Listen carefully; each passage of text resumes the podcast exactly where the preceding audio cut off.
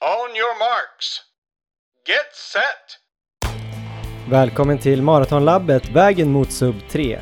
I den här podcasten följer ni mig, Johan Forstedt och Erik Olofsson på vår väg mot att springa maraton under tre timmar. I det här 29 avsnittet pratar vi om förra veckans löpäventyr i Jämtlandsfjällen.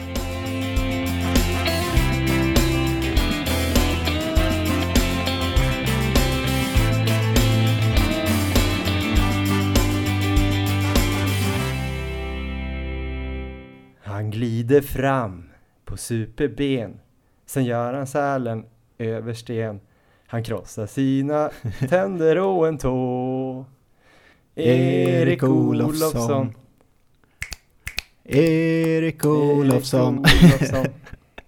Fantastiskt. Vi tar den igen va? Vi gör det. Glider fram, på superben Sen gör han sälen över Han sten bryter Han glider sina sina tänder och en tå. Erik Olofsson. Du, du, du, du.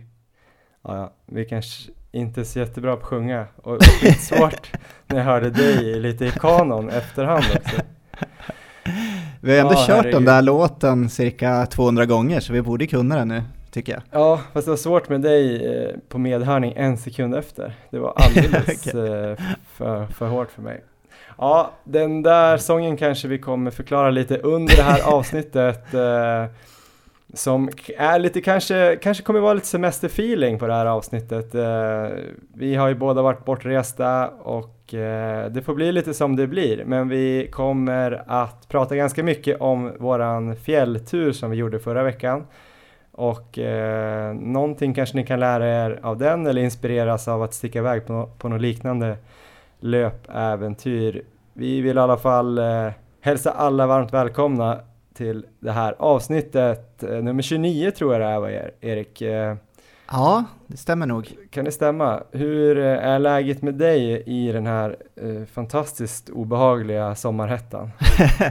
jo, men det är ju, det är ju, det är okej. Jag har ju fått köra alternativträning här.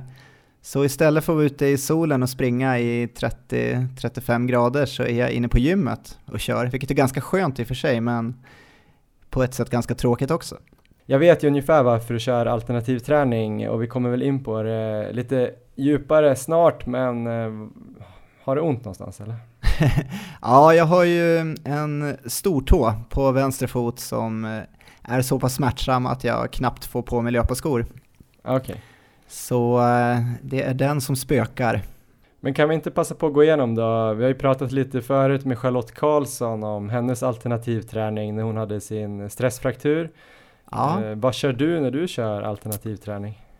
Ehm, Jag har kört mycket, mycket cykel. Alltså jag sitter på en sån här spinningcykel i gymmet och kör hårt på den. Det är ju bra nu, nu när jag bara har ont i tån gen- gentemot till exempel lunginflammationen, att nu kan jag ju verkligen köra på hårt med alternativträning. Så Just jag det. kör, jag kör mycket cykling, jag kör mycket rörlighet, vilket ju också är bra. Eh, För det behöver jag ju. Och Mm. ehm, jag ser det här som en sån här jättebra chans att komma igång med rörlighetsträningen på riktigt. Plus att jag kör en hel del styrka också. Så det blir väl kanske en och en halv timme ungefär i gymmet per dag. Med lite blandad träning. Du kör in alla de tre bitarna på samma pass då eller?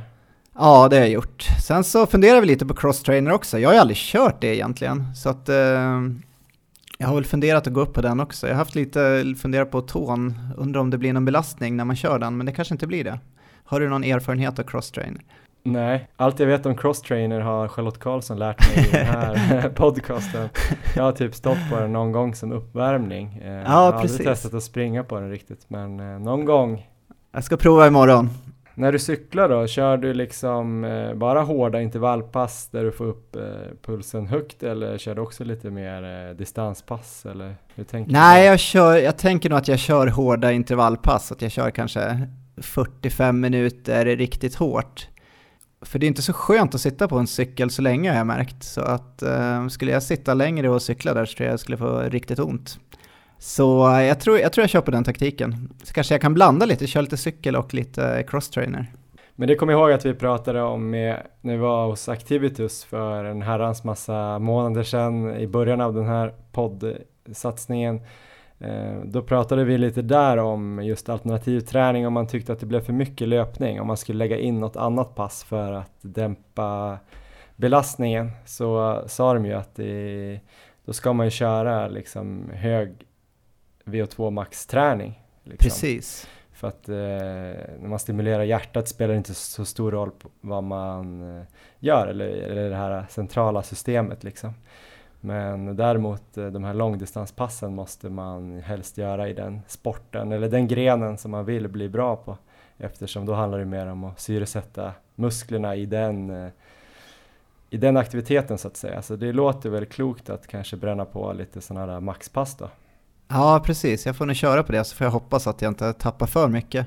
Jag har väl tänkt att kanske två veckor ungefär totalt kan jag väl klara av utan att tappa för mycket. Men blir det längre än så, då kommer jag börja bli orolig tror jag. Okej, okay. men det känns eh, så pass allvarligt nu som att det kan bli två veckor? Ja, det tror jag att det blir. Det är svårt att få på sig löparskon. Jag var ute för två dagar sedan och det var bara kanske en fyra, fem steg så kände jag direkt att det här kommer aldrig gå. Så mm. Eh, det är lite oroväckande. Men eh, det är väl bara att köra på hårt i gymmet och hoppas att det släpper snart. Mm. Hur är läget själv då? Hur har det gått i skogen i veckan? Det har varit blandade framgångar i skogen. En dag så åt jag några goda blåbär. Eh, det var ju väldigt... Var Under loppet eller? Nej, jag har faktiskt inte gjort det. Jag tänkte på det häromdagen att göra det, för då gick det så jäkla ja. dåligt orientera. Då kände jag att hjärnan behövde lite energi. Annars innan start så hade jag faktiskt en dag, jag körde lite, jag vet inte om Stig Wiklund har, har förespråkat det så mycket, men jag, jag, jag, ställde mig på en stubbe på ett hygge och försökte liksom känna in både med synen, jag tänkte använda alla känslor så för, för att komma in i rätt känsla.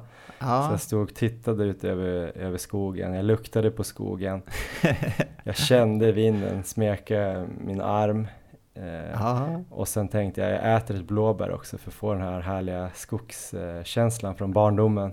Eh, det gick ganska bra den dagen faktiskt. Ja.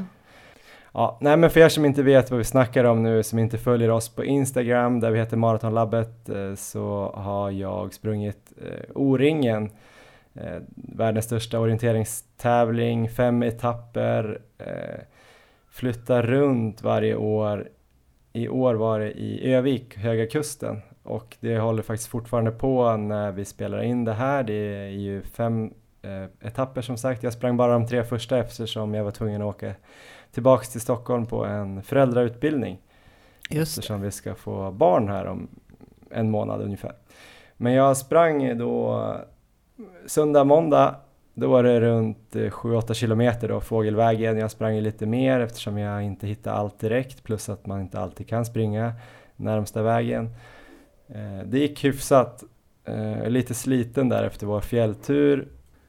Det, var alltså sen, alltså två, två dagar efter bara som du körde första etappen? Ja precis, jag hade väl Just en vilodag där i lördags och sen Aha. så körde jag på där. Så äh, det kanske var lite väl mycket men eh, det var kul och sen eh, körde jag en etapp igår som gick riktigt dåligt. Då var det slut på uh, mental energi och kroppslig energi tror jag. Eh, ja. Men ja, spännande. Inga skadekänningar under de här dagarna? För nu har du kört en, det var en monstervecka för dig va? Distansmässigt. Ja, precis. Förra veckans avsnitt spelade vi in rätt tidigt och nu spelar vi in väldigt sent. Så det har hänt ganska mycket, men den veckan som kom efter förra inspelningen då kom jag över 100 kilometer eh, måndag till söndag och om man räknar tisdag till måndag så blev det nog eh, över 110, ja det blev det ju. Så ja. över 11 mil, alltså på sju dagar så. Så det är ju nog eh, överlägset mest som jag har kört. Eh, nej, faktiskt väldigt eh, bra känsla i kroppen på det sättet. Jag ramlade en dag här i skogen och slog knät på en sten. Jag har ja. lite känsla av det men det tänker jag mer är av en smärta som inte har någonting med, vad ska man säga, den inre ledfunktionen utan det är mer smärta som jag, jag får nog vara lite försiktig här i de här dagarna och sen kommer jag nog kunna komma igång. Men ingen så här överansträngning sådär, överbelastning. Nej. Men det var väl bra Erik, över 10 mil? Verkligen! Jag är mycket stolt. och nöjd.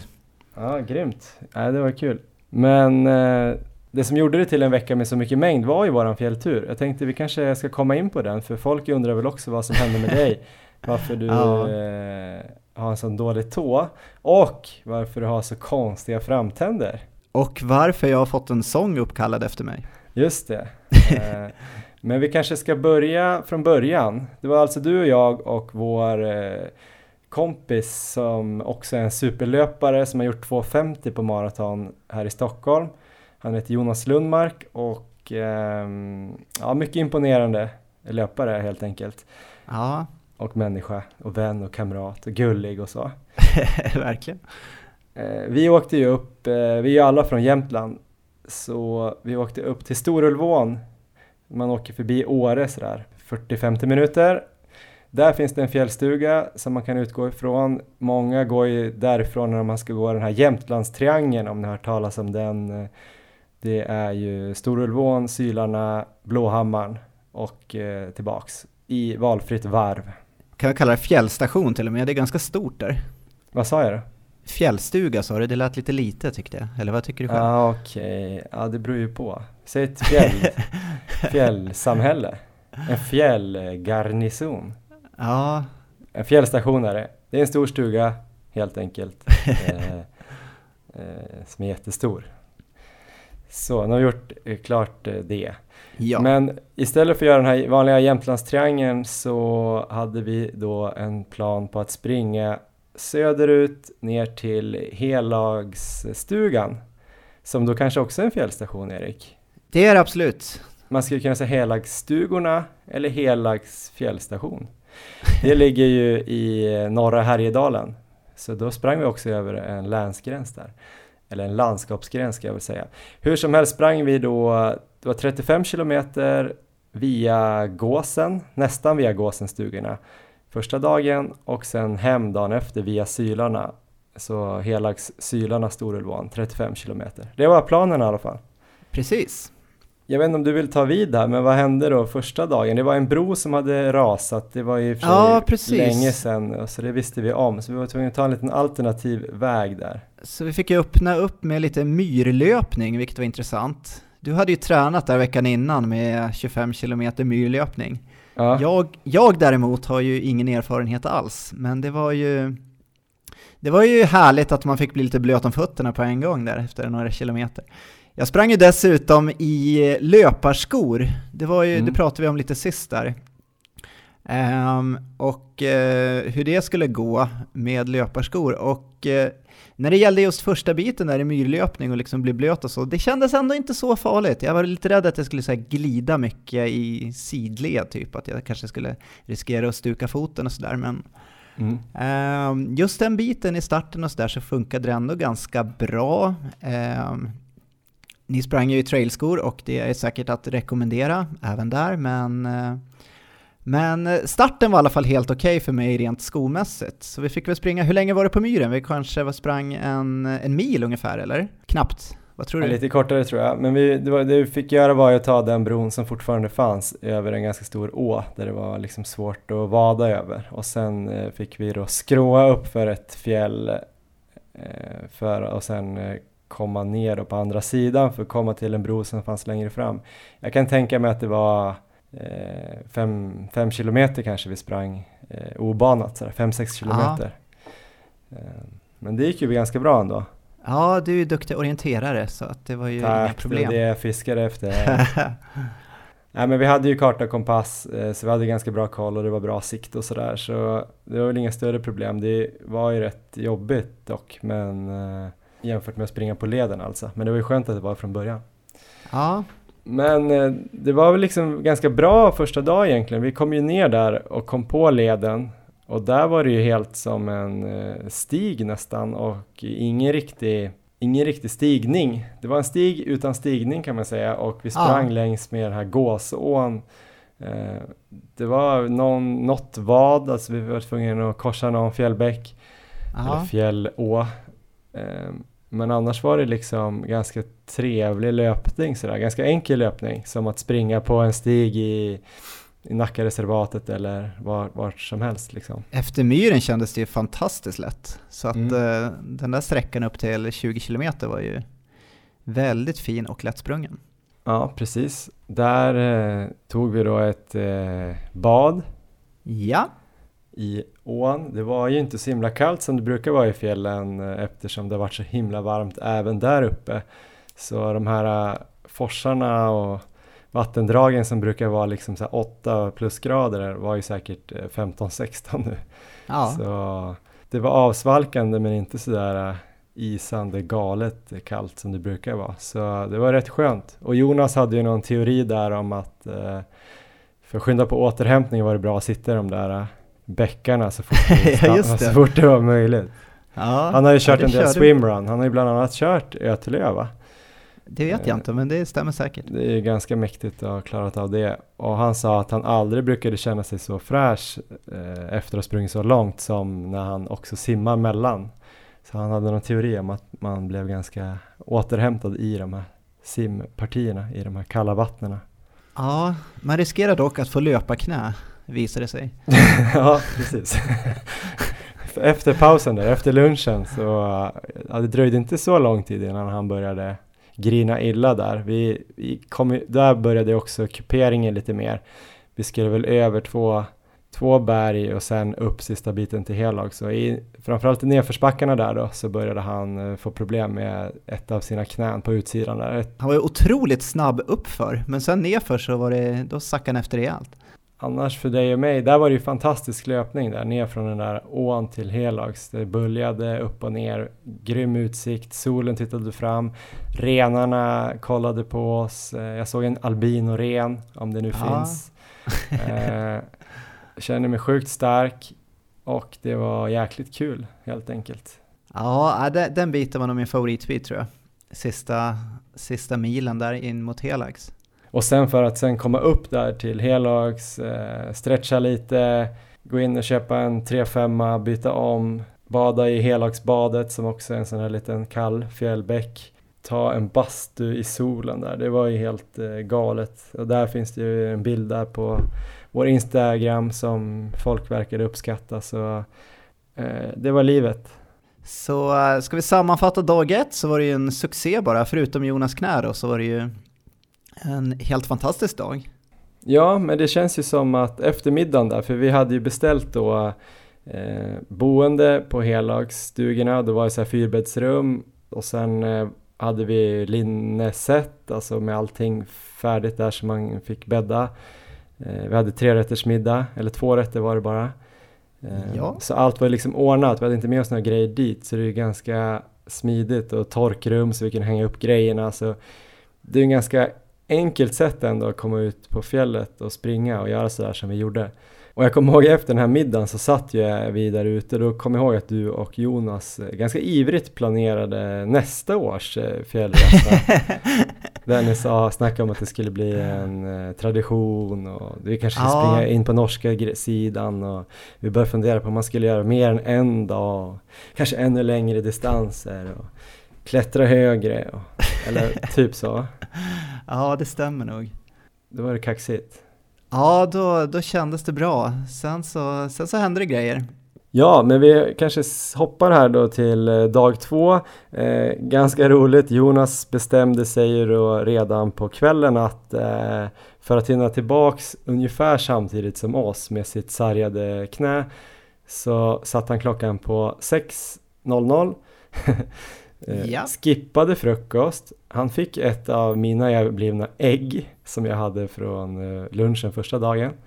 Eh, Så hade han ju lite kaffe. Så började han gå helt enkelt. Det var ju 3,5 mil tillbaks också.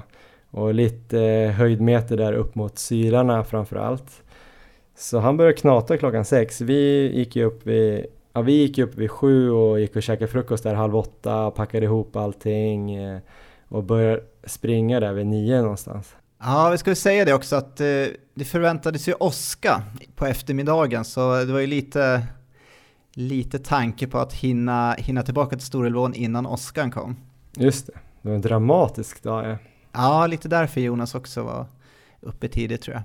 Eh, ja, Oskar på fjället eh, känns ju aldrig sådär superkul. Så det fanns ju i bakhuvudet helt klart. Men vi drog iväg där glada i hågen, du och jag, kanske 10 över 9 och i fem kilometer så var det ju en uh, mycket härlig löptur och jag kände idag kommer det gå snabbt. Erik är ganska sugen, jag kände mig fräsch, jag hade ju varit uh, stark dagen innan och tänkte att det här kanske blir en, en jobbig andra dag. Ja. Men det kändes bra och det var lite stenigare ska vi väl säga. Ja, det var det. Den här biten ner från Helags och leden mot Sylarna. Så man fick ju se upp vart man satte fötterna lite grann. Men det var helt fantastiskt. Det var också så soligt, man såg sylarna på långt håll. Fantastiskt landskap, eh, bra led. Ja, ingenting att klaga på tills ungefär efter fem kilometer när eh, någon skriker till bakom mig. Ja. Vad hände exakt då, första gången där? Jag kan gå tillbaka bara till dag ett där, så det enda problemet jag hade var väl att jag dunkade in min vänsterfot tre gånger i stenar. Mm, gjorde du det, det redan då? Ja, det gjorde jag. Och det gjorde ju ganska ont, men det var ändå inget så här, jag skrek till lite då. Och sen fortsatte jag springa. jag ramlade aldrig, utan det var mer bara ett litet stopp när man sprang. Um, jag startade dag två, två kilometer in tror jag, jag gjorde den första sån här sparken in med vänsterfoten. Gjorde riktigt ont men eh, ja, körde på. Eh, sen så tror jag, jag tror det var 8 kilometer in, jag tror det kommer så pass långt. Så eh, kommer nästa och då är det en rejäl, jag sparkar rakt in i en sten och sen så känner jag bara att jag typ ligger i luften. Ehm, och i samma veva så lyckades jag på något sätt fastna med armarna bak i ryggsäcken. Så jag, så jag kör så här, om man tänker Anja Persson när hon vann sina OS-guld, när hon körde så här Sälen där nere på målområdet. Ehm, det är precis en sån jag kör där på leden, fast hon landade ju väldigt så här snyggt på magen och gled fram. Ehm, jag landade alltså på hakan och framtänderna på en sten, på en sån här en plan sten som jag glider fram på hakan och framtänderna. Eh, och eh, ja, jag känner väl ganska direkt där att fan, det där gick illa. Tån gör, tån gör fruktansvärt ont, så att det jag är ganska övertygad rätt av att jag har brutit den där. Um, och sen så för alla som har brutit en tand eller tappat en tand och sådär så att när man känner med tungan så känns det ju så här fruktansvärt konstigt.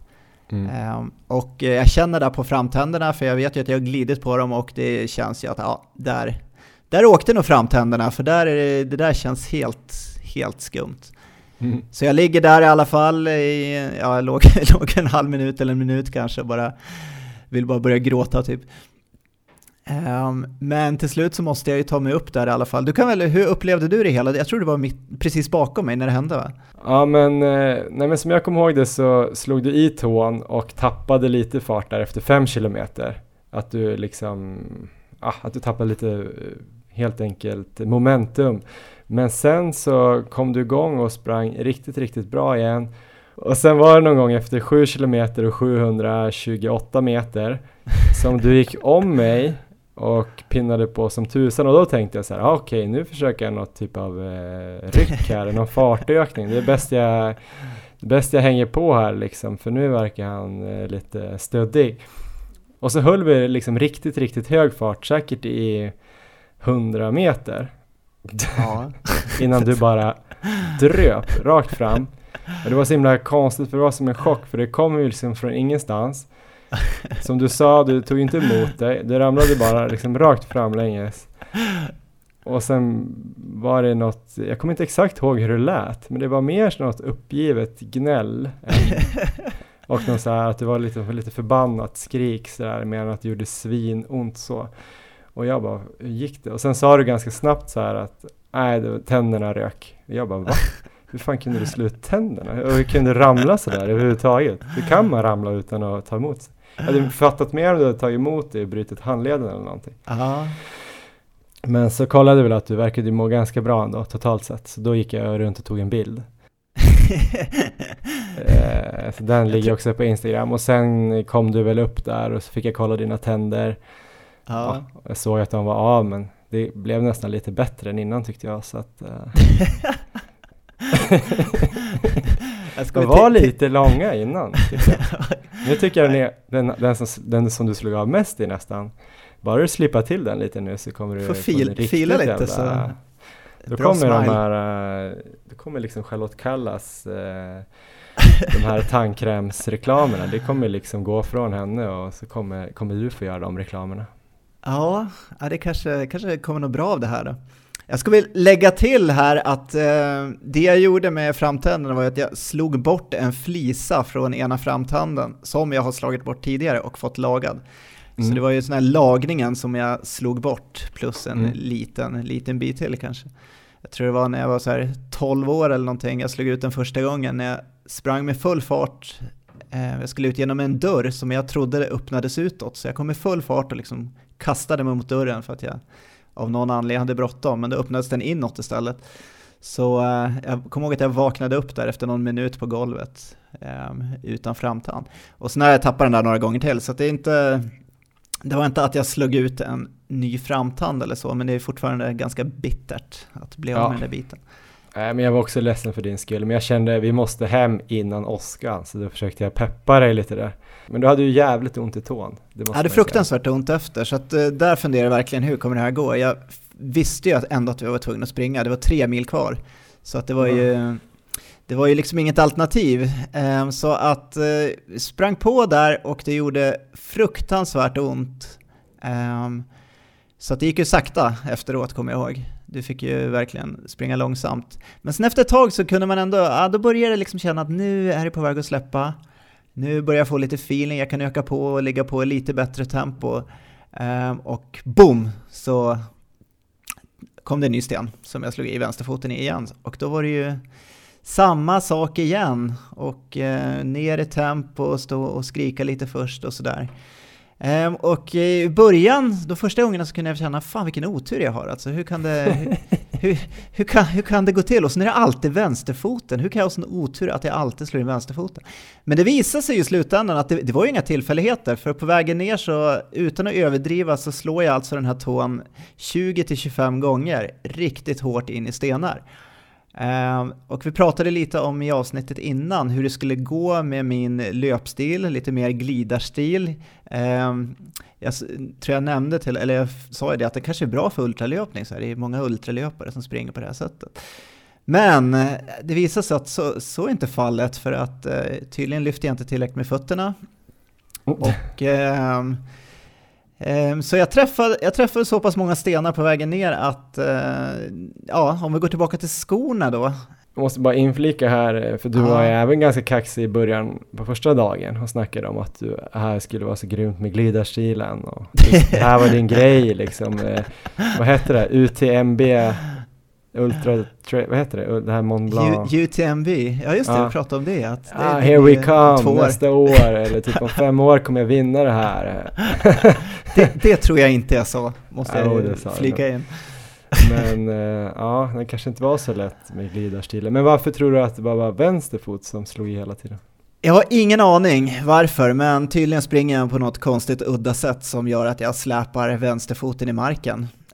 Um, så jag vet inte varför, men jag tror inte jag slog högerfoten mer än kanske en gång och vänsterfoten 25 gånger. Så det var inga tillfälligheter och eh, om vi går in på skor då, för det här kommer ju kanske den största lärdomen jag drog när vi var i fjällen. Och det var ju en väldigt kostsam lärdom, men det är ju att jag kommer nog definitivt springa i trailskor nästa gång och det kommer jag göra för att eh, de är ju förstärkta där fram. I alla fall finns det väl en del trailskor som har extra förstärkning fram i tån.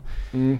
Och det där tror jag hade gjort jätteskillnad på mina stensparkar här under vägen. Då hade jag kanske klarat tån bättre än vad jag gjorde nu. Jag tror inte det hade undvikit mig att sparka in de här stenarna för att jag måste nog lägga om min trailteknik totalt eller lära mig att springa i fjällen. Men Definitivt kommer jag springa nästa gång i trailskor med rejäl, så mycket förstärkning det bara går fram i tån helt enkelt. Men skor med stålhätta och en hjälm med visir nästa gång? och tandskydd.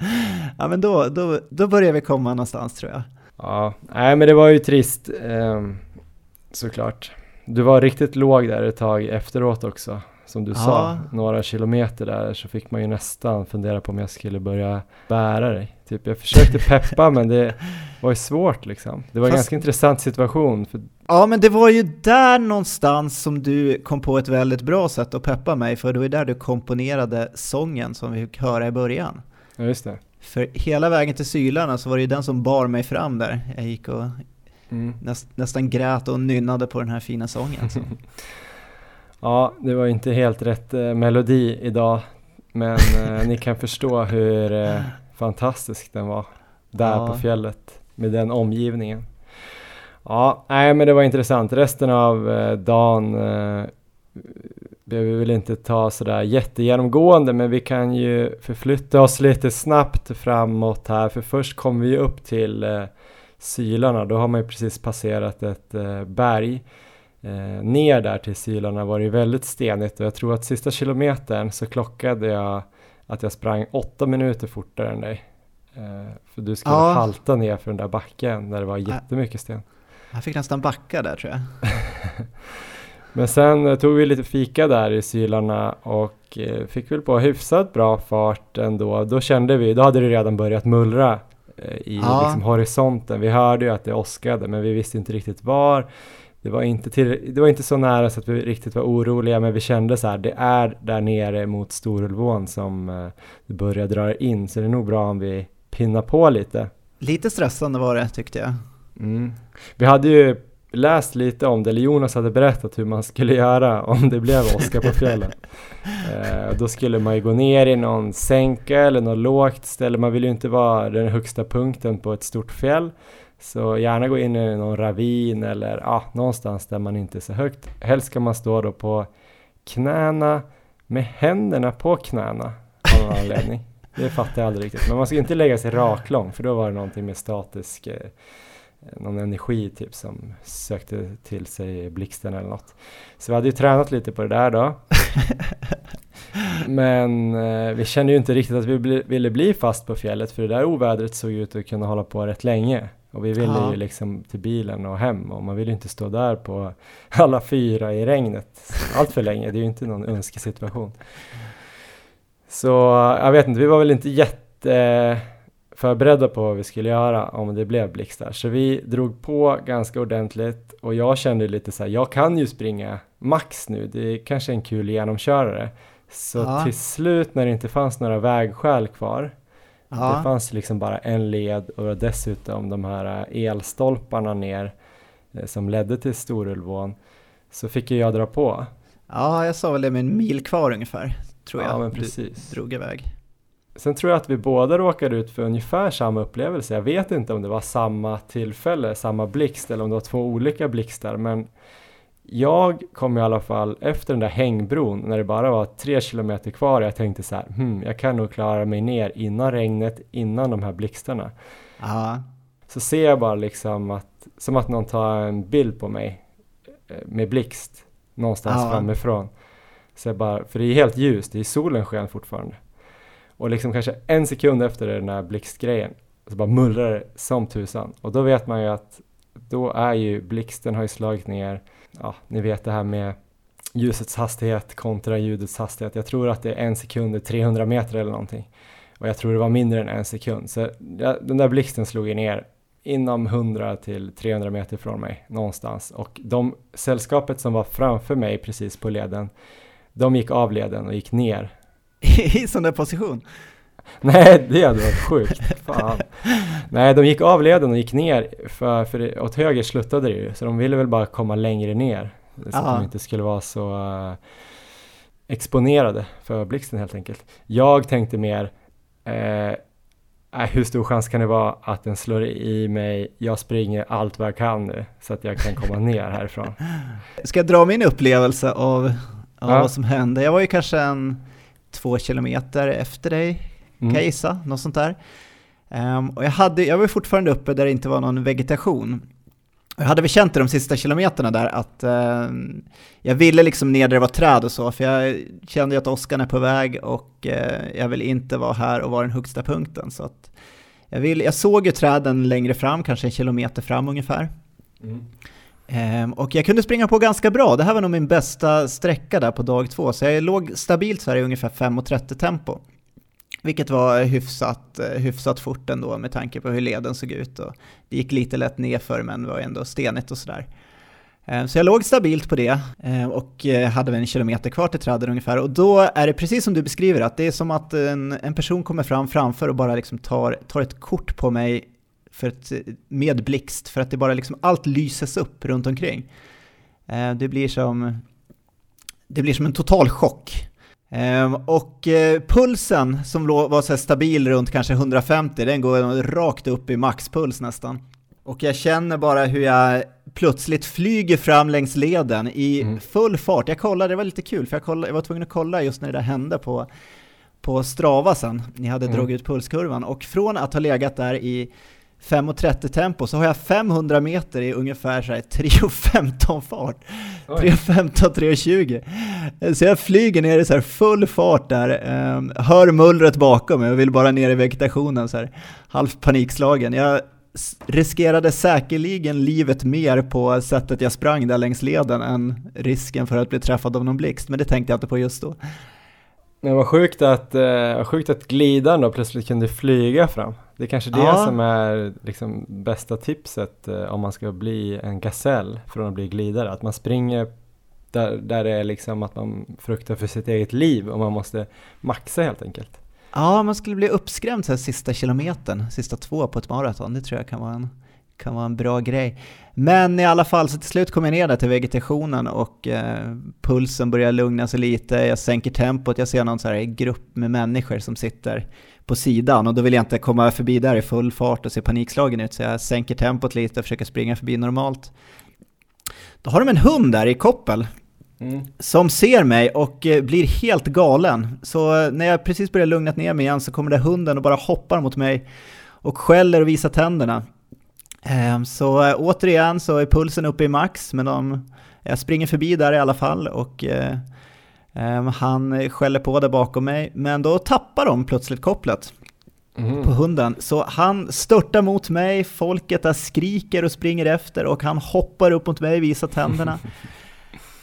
um, jag vet inte om han bara var väldigt, väldigt glad eller om han var arg, men det såg väl, verkligen ut som han var väldigt arg. Så ja, det var en, det var en jobbig, sista, jobbig sista bit. De kommer att få tag i hunden till slut i alla fall och han var bara på att nafsa lite så det var ingen fara. Men jag kommer ner sen, tre kilometer hade jag väl kvar då ungefär, så jag avslutar med att dunka tån riktigt, riktigt hårt en gång till och sen så går jag sista två kilometerna ner och träffar er i fjällbäcken.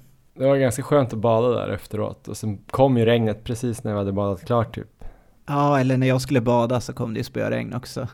Så det var ju sån dag. Ja, men det var stora kontraster för, för dig som Verkligen. det kan vara i fjällen generellt känner jag. För det är väldigt väderberoende i fjällen. Det är ju väldigt fantastiskt när det är fantastiskt och sen kan det vara misär när det är misär. Både om man är trött eller om det är dåligt väder eller vad det nu är.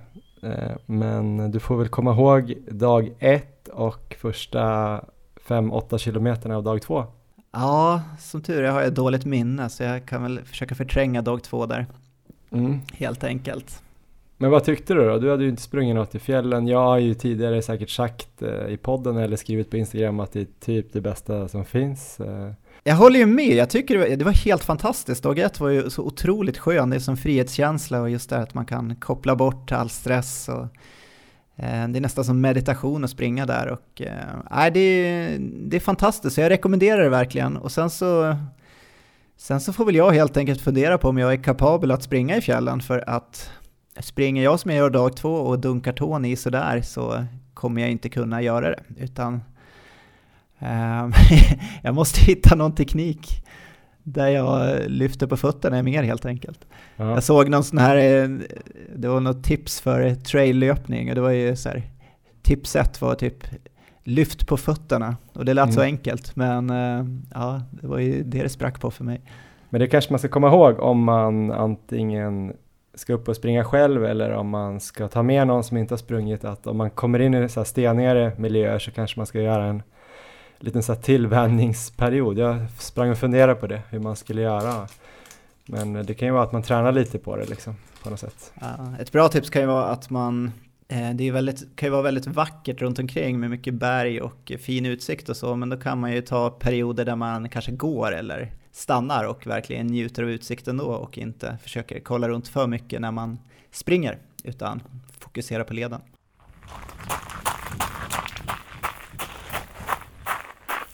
Jag tyckte det var grymt härligt och eh, jag måste säga att jag fick en, eh, förutom att det var sådär vackert och härligt och stressen flöt bort och sådär, så fick jag en boost i hela det här eh, projektet måste jag säga, för jag var ju lite seg där veckan innan och jag var lite så här, inte orolig, men jag hade ändå lite så här nervositet att, eh, ja men jag vet att du är sjukt stark och Jonas har ju haft fantastiska löpresultat och är grym och har också varit uppe mycket i fjällen så jag kände så här, det kan bli, mycket, kan bli jobbigt för mig att hänga på tänkte jag. Men det gick ju bra. Det var ju tvärtom skulle jag säga, jag tycker du imponerade oerhört där. Um, även dag ett, både uppför och nerför var du fruktansvärt stark. På de plana delarna så eh, kände jag att jag hängde med lätt, men så fort det vart backet så Ja, nej men jag menar inte att jag försökte komma fram till att jag var duktig på att springa. Jag menar mer bara jag. att jag överhuvudtaget sprang eh, sju mil på två dagar och det kändes bra och uthålligheten kändes bra och det var väldigt stärkande att komma igenom det där så pass helskinnad. Absolut. Och för er då som inte blev avskräckta av det här med blixta, blixtarna och hundarna och allt vad det var och stenarna så eh, lite snabbt, ja, vi behöver inte gå igenom så himla mycket tänker jag, men för att eh, sammanfatta hela den här historien tänkte jag att eh, det behöver inte vara så himla svårt att komma upp till fjällen och springa utan vi har ju mest koll då på Jämtlandsfjällen nu och eh, sen tidigare lite grann. Eh, åk bara upp till eh, typ Åre trakten man behöver inte springa där vid triangeln heller utan det finns ju mycket leder där vid Åre eller Vålådalen eller något sånt där. Och så kollar man upp eh, på kanske STFs hemsida vart det finns någon sån här fjällstation där man kan, kan bo över i säng och få käka på kvällen. Och så kollar man någon eh, karta där och så ser man någon lämplig annan fjällstuga som man kan springa mellan.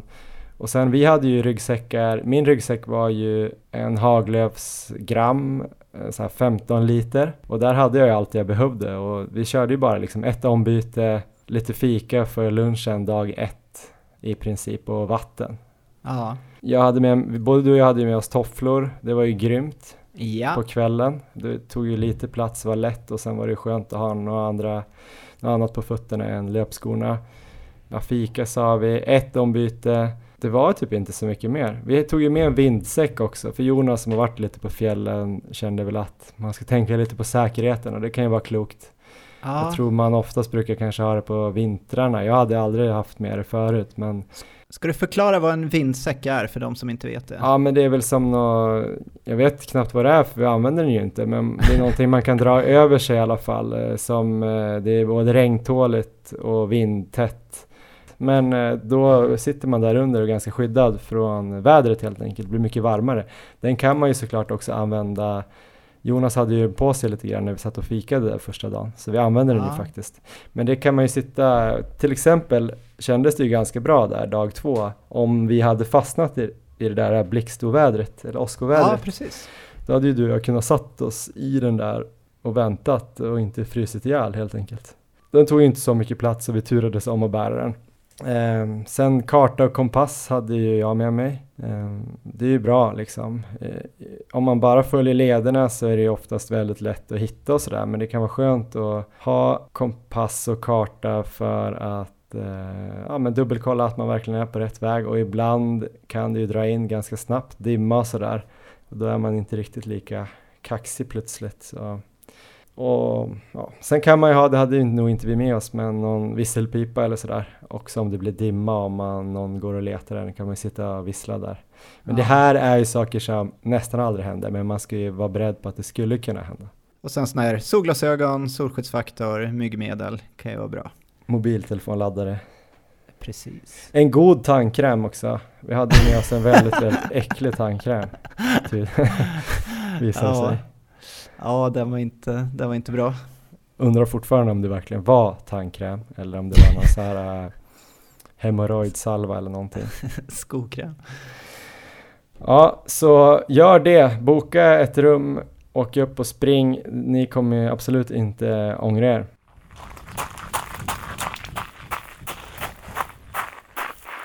Ja, men det är kanske dags att börja runda av det här som vi trodde skulle bli ett ganska kort eh, semesteravsnitt med lite eh, skitsnack från fjällen som verkar blivit ett lite längre semesteravsnitt med massa skitsnack från fjällen. Jag hoppas att ni orkat lyssna och att eh, ni har lite förståelse för att det kanske inte blev så här eh, nördigt matnyttigt men att det kanske blev lite inspiration eh, för en framtida fjällresa för er där hemma och kanske kul att höra vad två idioter har gjort sen sist.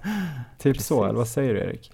Ja. Eh, men bara kort då, den här tån, vad är det för diagnos och vad ska du köra här nu då fram till nästa vecka? Alltså jag har inte varit och kollat upp den. Däremot så hittade jag en podcast som Mm. hade ett helt avsnitt om brutna tår som jag har Mm. lyssnat igenom. Ehm, och eh, de flesta frakturer på tån behandlas ju inte utan Nej. det får läka ut av sig själv.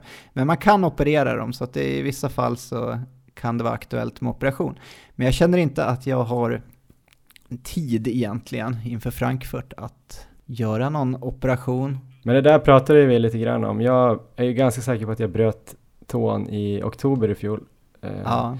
Jag sprang ju på den med smärta två och en halv vecka senare för att jag ville vara med på en orienteringstävling men jag justerade ju steget. Jag sprang lite på utsidan av foten där jag hade gjort illa stortån. Ja. Det kanske inte är så här jättebra att rekommendera ja, det låter lite farligt så också. att då kan det bli någonting annat. Men sen så i december sprang jag ju men då var det ju zon 2 typ för att det gjorde ont. eh, Sen i januari, så det var nästan två månader senare, då kunde jag börja öka lite. Så jag hoppas att det inte är lika, eh, lika stor, stor skada som jag hade. Eller att du är Nej. tåligare. Jag fick med lite bra tips därifrån i alla fall. Bland annat så, ehm, ja man ska inte springa någonting i backar eller så till en början utan bara springa plant. Så löpar, löpbana är ju helt enkelt det bästa. Och Mm. Om man då har brutit tån, eller ja, jag vet inte om det är brutet än, men om man gjort illa tån på vänster fot, Mm. då är det bästa att ja, springa... springa högervarv. Precis. Så att man springer inte den normala varianten då. Ja, för er som då mot förmodan funderar på varför så är det mindre belastning på den foten som är ytterst på ett löparvarv. Precis. och mer belastning på den som är innerst. Eh, ja, men det låter intressant. Så sa de någonting om klockslag då? Eh, eller ska man köra två på natten på löparbanan? Eller spelar det någon roll för tån? Ja, jag vet faktiskt inte. Jag får lyssna igenom igen. Jag tolkar det här som att du då rehabtränar eller alternativtränar och eh, hoppas egentligen att den här tån ska läka ut, eller? Ja, det kommer jag göra och sen så får jag väl testa lite då och då helt enkelt och eh, hoppas att det går så snabbt som möjligt att kunna börja springa igen. Mm. Vi kanske kommer vara på eh, samma nivå här till slut. Samma nivå, vad tänker du då? Eh, Prestationsmässigt, om du håller på att skada dig och inte kan träna så kanske jag kan komma kapp. Ja, efter vad jag såg i fjällen så är du redan om och förbi. så Ja. jag är mest orolig för mig själv nu. Men Ja. jag kommer köra, jag kommer inspireras av Charlotte Karlsson och jag kommer rehabba stenhårt här fram till jag kan springa igen. Mm. Intressant. Det blir kul att höra hur det har gått nästa vecka. Yes. Och själv? Jag vet inte riktigt, det går väldigt mycket upp och ner känner jag i känslan för mig just nu. Jag vet inte om det beror på eh, värmen, annan allmän stress, eh, sjukdom eller eh, bara att man är väldigt sliten från träningen och att man, att man ligger lite på gränsen kanske. Ja. Men, för jag var ju ganska sliten innan fjällen, sen kändes det bra där och sen eh, efter de här två dagarna, första dagarna på O-ringen här, orienteringsäventyret eh, där, så blev jag väldigt sliten här igen. Så jag har varit riktigt trött här de senaste två dagarna. Och den här värmen eh, trivs jag inte riktigt med ska jag säga. Och jag vet inte vad det är nu, det är 32 grader ute. Jag tror det närmar sig 68 här inne där jag sitter och spelar in. Eh, jag är inte ett dugg sugen på att sticka ut och springa om man säger så. Så jag ska i alla fall vila nu idag och jag funderar på att vila imorgon också. Eventuellt gå och köra ett styrkepass inne på gymmet. Det lät ju skönt. Ja. Och sen till helgen så ska det väl sjunka lite, lite i alla fall. Så kanske ett morgonpass med lite intervaller lördag eller söndag om jag börjar känna att eh, jag är sugen på det. Men jag tror jag faktiskt ska vänta tills jag känner att jag är sugen på det. För jag brukar ju bli sugen på det någon Ja. gång. Men jag vet inte om jag ska vara lite försiktig med att gå ut och så här, tvinga ut mig. Jag är lite, vad tror du där? Alltså du har ju kört hårt nu med väldigt mycket löpning. Eh, Mm. Så att eh, vilodagar är nog bra. Sen så är jag övertygad om att efter två vilodagar så är du motiverad att köra igen. Så att det, Mm. Men nu är jag tillbaka i Stockholm i alla fall så det känns som att det kanske blir lite mer rutiner i livet och eh, jag ska börja hoppa på en ganska strukturerad eh, planering här framöver. Så jag tänkte att de här närmaste dagarna kanske jag får till eh, något styrkepass och ett bra intervallpass och dessutom sätta mig och skriva ner lite eh, mer detaljerat resten av den här eh, grundperioden som vi fortfarande är mitt i skulle jag väl vilja säga. Det är ju tre månader i princip exakt nu till Frankfurt så eh, det är väl augusti som jag ser som lite mer grundträning och sen ska man ju köra den här specifika fasen. ja, så nästa vecka kommer vi säkert kunna prata lite mer om hur vi ska lägga upp den här sista månaden av grundträning och också prata lite mer om eh, tävlingsplanering. Jag tänker att både du och jag har väl funderat på lite olika lopp som vi ska försöka få in här innan Frankfurt också. ja. Så då skulle vi kunna snacka igenom det och sen hoppas jag att vi har med någon intressant intervju nästa vecka också. Eh, till dess kan ni väl gå in och kolla på Strava där jag heter Johan Forstedt och du Erik Olofsson. Från dig kanske inte kommer komma upp så himla mycket. Nej, Och för mig får vi väl se om det kommer igång med löpningen här. Men annars får man väl kolla på Instagram då, se om du ligger och kör någon bänkpress på gymmet eller inte. ja, något sånt kan det nog komma upp. Förresten, det var en som frågade vad vi har för personligt rekord i eh, chins, alltså pull-ups med handflatorna bort från oss Ja. och dips. Eh, Jag vet ju inte riktigt vad du har klarat. Jag har faktiskt klarat 20 pull-ups en gång. Ja. Det är jag ganska nöjd med. Ja, då slår det nog mig tror jag. Jag ligger nog, Tror du? Ja, jag ligger nog no- ett par under. Fan. Du var ju en riktig gymräv där ett tag, kommer. Ja, ja, vi får köra, vi får köra något pass tillsammans. Dips då? Dips, dips har jag Där kan jag tänka mig att du var stark. Du var stark i bänkpress. Ja, nej, jag, jag har ingen koll på hur många, men det var, det var ganska många där förr i tiden.